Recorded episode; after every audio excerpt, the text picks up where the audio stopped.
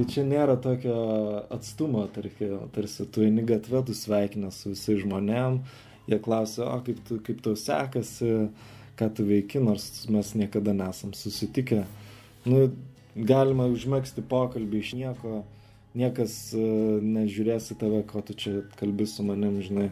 Tai va tas man labai patinka, kad yra toksai betarpiškumas, bendravimas, labai atviri žmonės, labai besišypsantis tokie.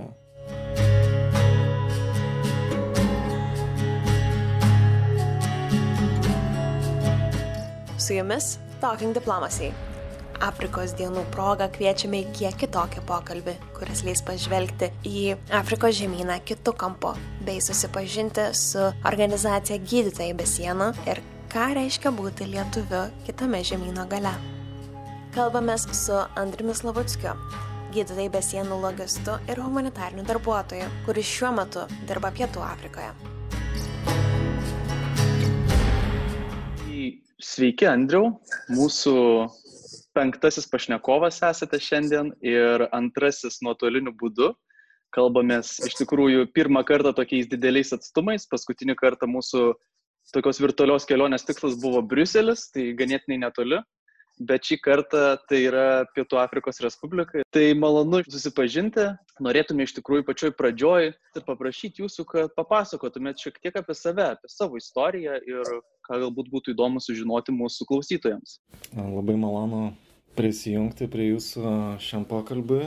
Nu ką, mano vardas Andrius Slavuckis. Užaugau Žirmūnuose, medikų šeimoje, turiu sesę Kristina, kuri trim metais vyresnė už mane.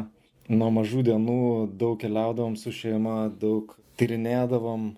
Tėtis mano ir mama, man būnant šešių metų, uh, išvyko į Angolą dar sovietiniais laikais, kaip uh, sovietiniai daktarai. Tarkim, misija į uh, komunistinę Angolą tuo metu.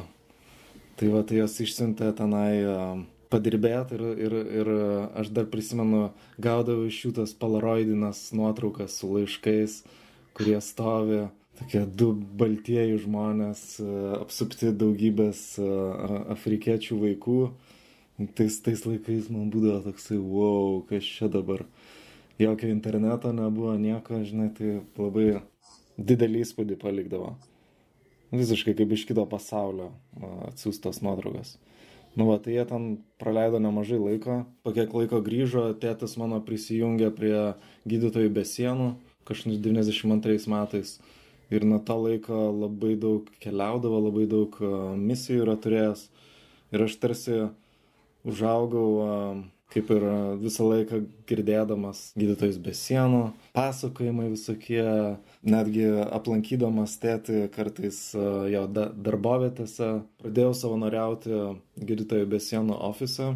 Ten tokiam bibliotekos skyriui, tvarkyti jų dokumentus. Mes kaip tik gaudavau labai daug naujienų iš viso pasaulio, iš visokių Afrikos valstybių, visokių konflikto zonų. Žodžiu, prisijungdavau dažnai prie jų susirinkimų kuriuose jie aptardavo įvairiausius projektus, įvairiausias problemas. Tam kažkaip labai dinamiška viskas buvo, labai viskas nauja, įdomu. Ir tada įstojau į, į tokią mokyklą Prancūzijoje, Lyone, Bioforce vadinasi. Ir jie ruošia įvairiausius specialistus humanitariniams organizacijoms. Tai jie ruošia logistus, administratorius, projektų vadovus, vandentvarkos specialistus visokiausius. Na nu va, ir ten pasimokiau devynis mėnesius, toks žiauriai intensyvus įdomus kursas, labai daug praktikos Prancūzijos Alpėse, ten tokias turėjom stovyklas, tarkim, įsivaizduojamas kažkoks scenarijus, ten kažkaip vyko kažkokia katastrofa ir mums reikia, reiškia, suorganizuoti pagalbos misiją. Dar man besimokant įvyko didelis žemės drebėjimas Haitėje 2010, jeigu prisimenu. Nu, ir tada mes visi ten išgyvenom tais metais, iš arti stebėjom, kaip viskas vyksta. Nu, nors buvom toli, bet kadangi labai daug žinių gaudavom, mūsų net visi, visi visas tas mokymasis buvo paremtas tuo, kas vyksta Haitėje. Ir e, po to labai daug e, mano bendraklasių e, išvažiavo su gydytojais be sienų būtent į Haitį. Na, o aš, aš e, baigęs tos mokslus grįžau į, į Suomiją pasibaigti savo magistrinio darbą. Ir tada kaip tik gavau skambutį iš, iš gydytojų be sienų irgi su pasiūlymu atvažiuoti ant pas juos į testus. Na ir praėjau tas, tas testus ir, ir, ir išvažiavau į Haitį kaip tik pirmą, pirmą misiją. Porą mėnesių. Tai Haitė, jeigu taip, su choleros epidemija dirbau ten tokioje stovykloje, Porto Prince, Haičio į Pietų Afriką, jau iš tą patį projektą, kur dabar dirbu.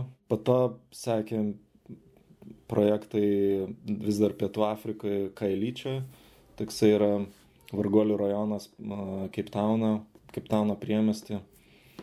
Tenai porą mėnesių praleidau, tada Lesotą, tada važiavau Libiją.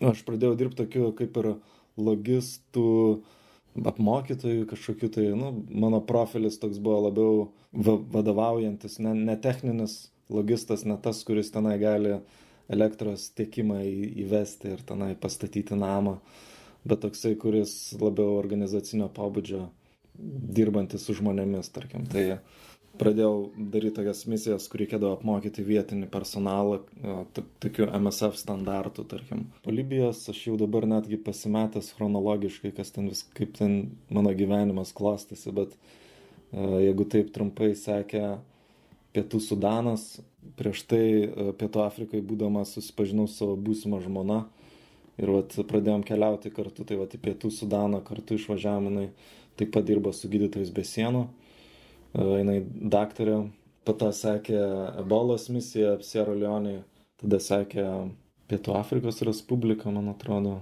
dar kartą Haitis, buvau Indijoje, Serbijoje, Jemene ir dabar vėl Pietų Afrikoje.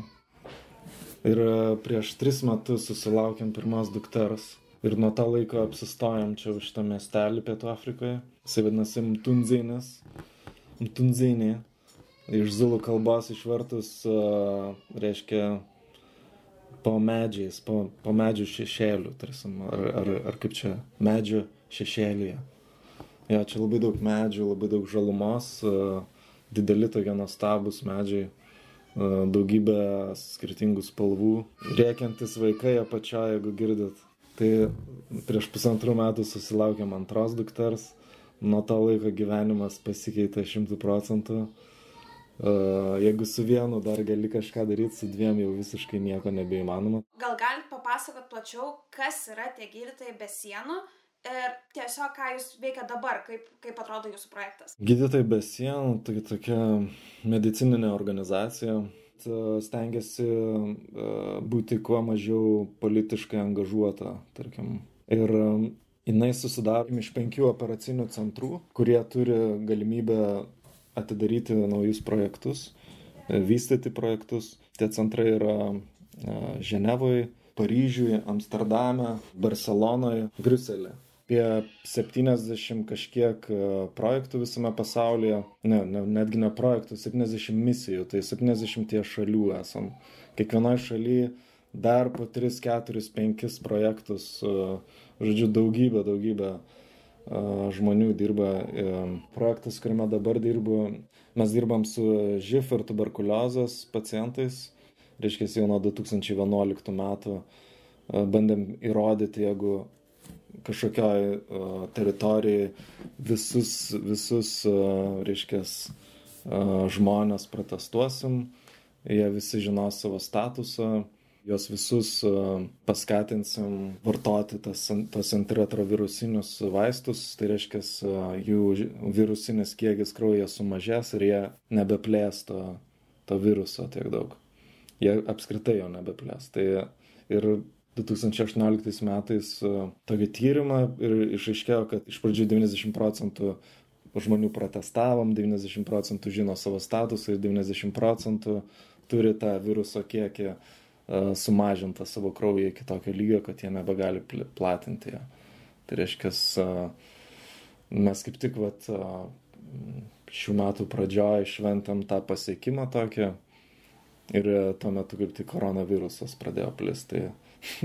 nuo to laiko viskas tarsi pasunkėjo gerokai. Minėjot, kad e, tenka apmokyti vietinius, kaip tai vyksta ir kaip jūs priima vietiniai žmonės tiek Pietų Afrikos Respublikoje, tiek kitose šalise, kur teko būti. Kaip, kaip jūs priima ir su kuo teko susidurti? Įvairiai, nu, man atrodo, priklauso nuo ir nuo žmonių mentaliteto ir paties žmogaus, kuris tenai, reiškia, atvažiuoja apmokyti.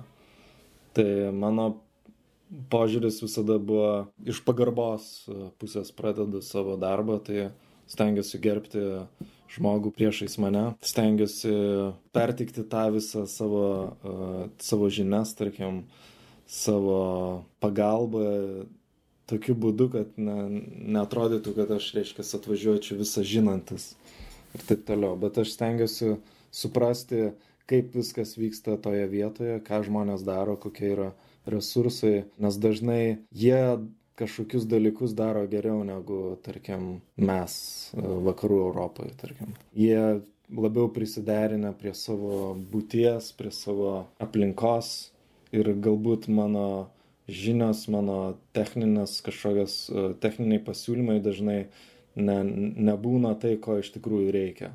Na, aišku, e, galutinis tikslas yra padaryti kuo įmanoma geriau, greičiau ir kad tai atlieptų projekto tikslams. Mm, iš tikrųjų buvo įdomu sužinoti mm, dėl šeimos palaikymo, bet nebijoju, kad jūsų žmona puikiai supranta jūsų darbą ir iš tikrųjų dalinatės tuo tokia, tokia tikriausiai aistra padėti kitiems. Bet e, tuo pačiu būtų įdomu sužinoti, kaip jūs mato galbūt giminaičiai, pažįstami, draugai, galbūt net ir tie, kurie ir Lietuvoje šiuo metu yra ar kitose pasaulio kraštuose. Kaip supranta, ką jūs darote, būdamas Pietų Afrikos Respublikoje ir kitose tose šalyse? Na, man pasisekė, kad tėtis uh, daugelį metų dirbo uh, tokį patį darbą, panašų, tarkim. Tėtis mano medikas, mama irgi medikė, mama irgi matė. Tai jie labai gerai supranta, mano sesė labai gerai supranta, mano artimiausia aplinka supranta tai, ką aš darau, jie labai mane palaiko. Mano draugai tai, tai supranta, gal aš nežinau, ar jie labai gerai supranta, bet jie mane palaiko visada ir kai, kai grįžtu, mes dažnai apie tai kalbam. Man labai jaučiasi tai, kad aš gyvenu kažkokį kitokį gyvenimą negu mano, mano draugai Lietuvoje, tarkim. Ar yra kitų lietuvių dirbančių uh, gydytojose be sienų ir kaip jaučiatės būdamas lietuviu Pietų Afrikos Respublikai? Uh, yra keletas lietuvių dirbančių su gydytojais be sienų, bet uh, aš žinau tik vieną konkrečiai uh, merginą. Jis dirba su, man atrodo, Paryžiaus sekcija. Šiaip, būdamas lietuviu Pietų Afrikoje, nežinau, jaučiuosi niekuo ypatingas.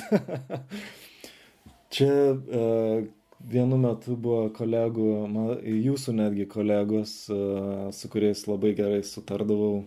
Jie dirbo ambasadoje uh, Pietų Afrikos, tai labai smagu jos buvo čia turėti, bet kitų lietuvių aš čia nelabai pažįstu.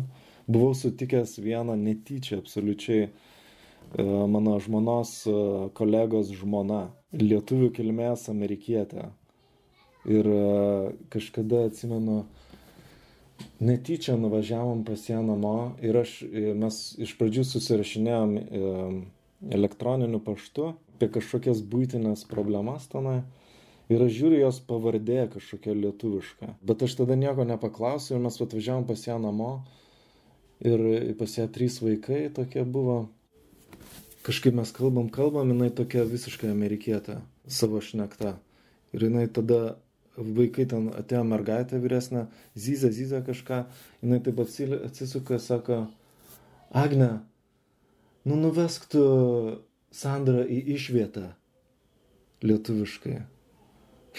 aš tada iš viso, aš negaliu padėti išvietę. Tai tada kaip ir atskleidžiau, kad aš čia lietuvis irgi ir taip toliau, mes pradėjom ten kalbėti. Jis labai labai stiprų akcentą turi, bet jinai labai stengiasi su vaikais kalbėti lietuviškai.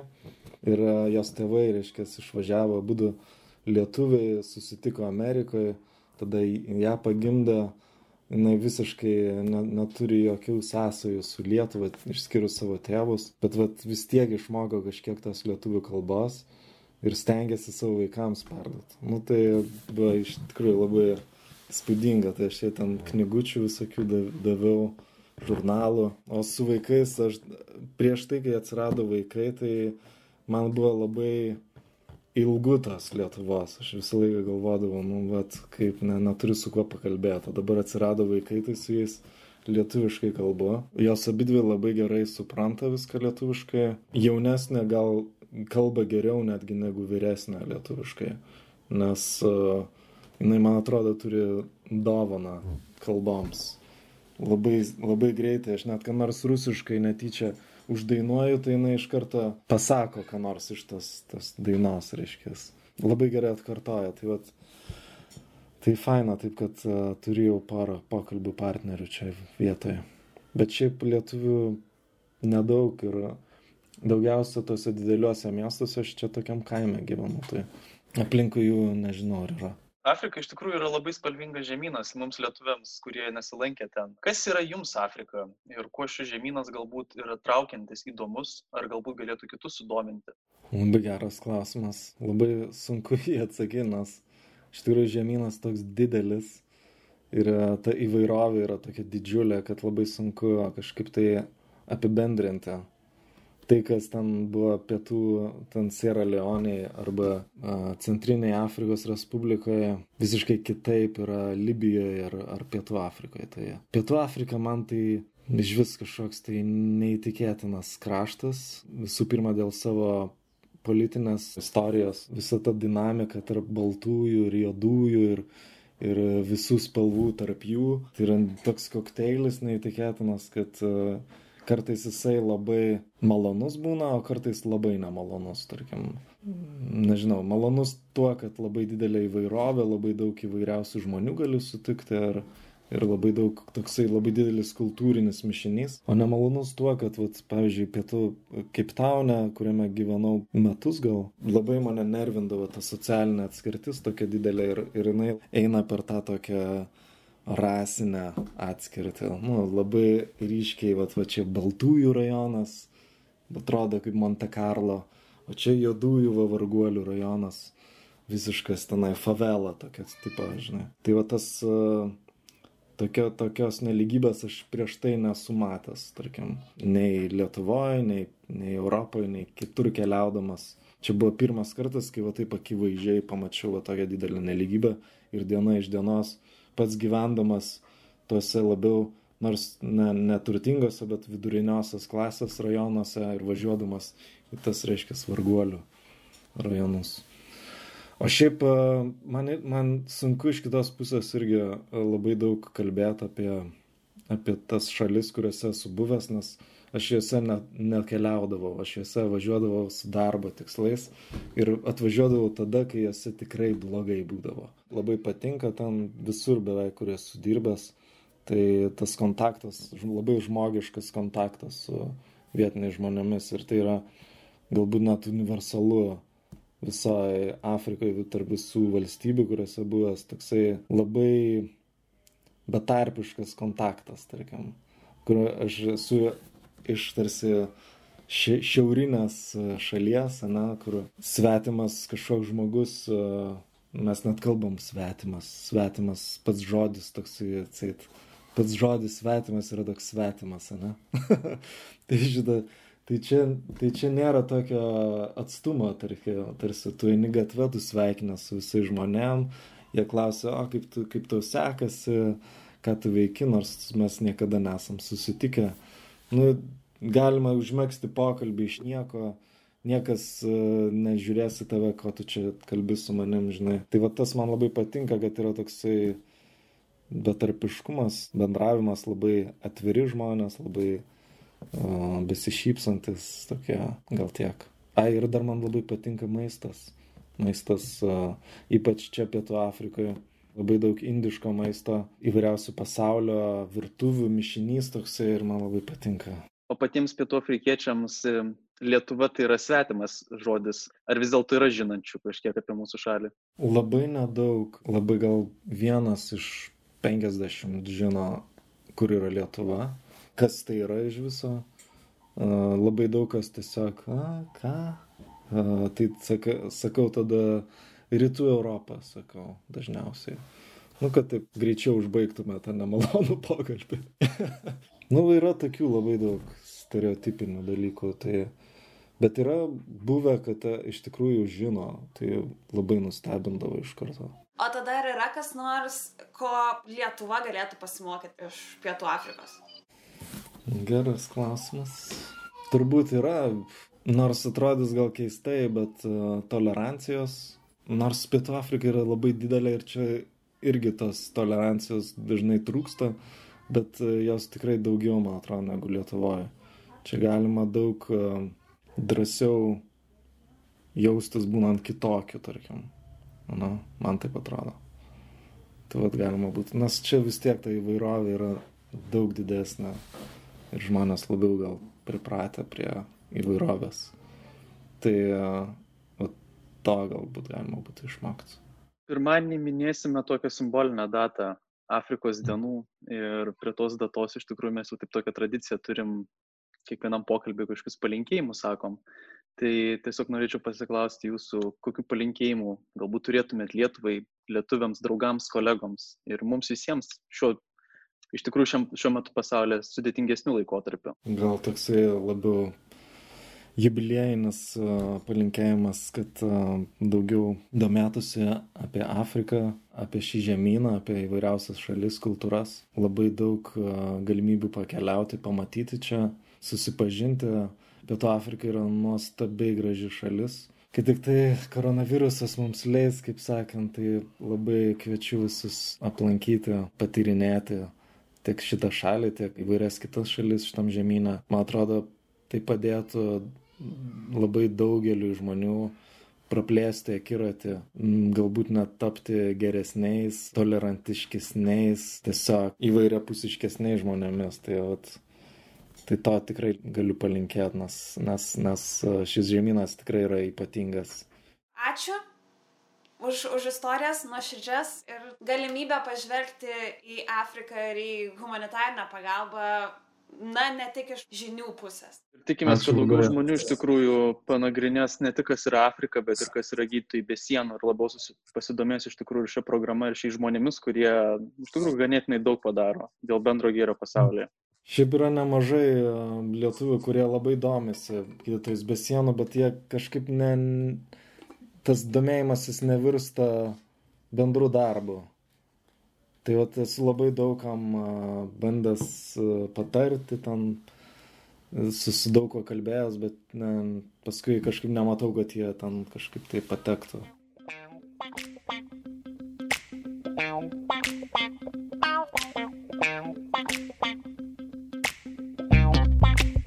Jeigu jums patiko šis pokalbis, galima pradžiuginti, kad tai tik pirmoji dalis.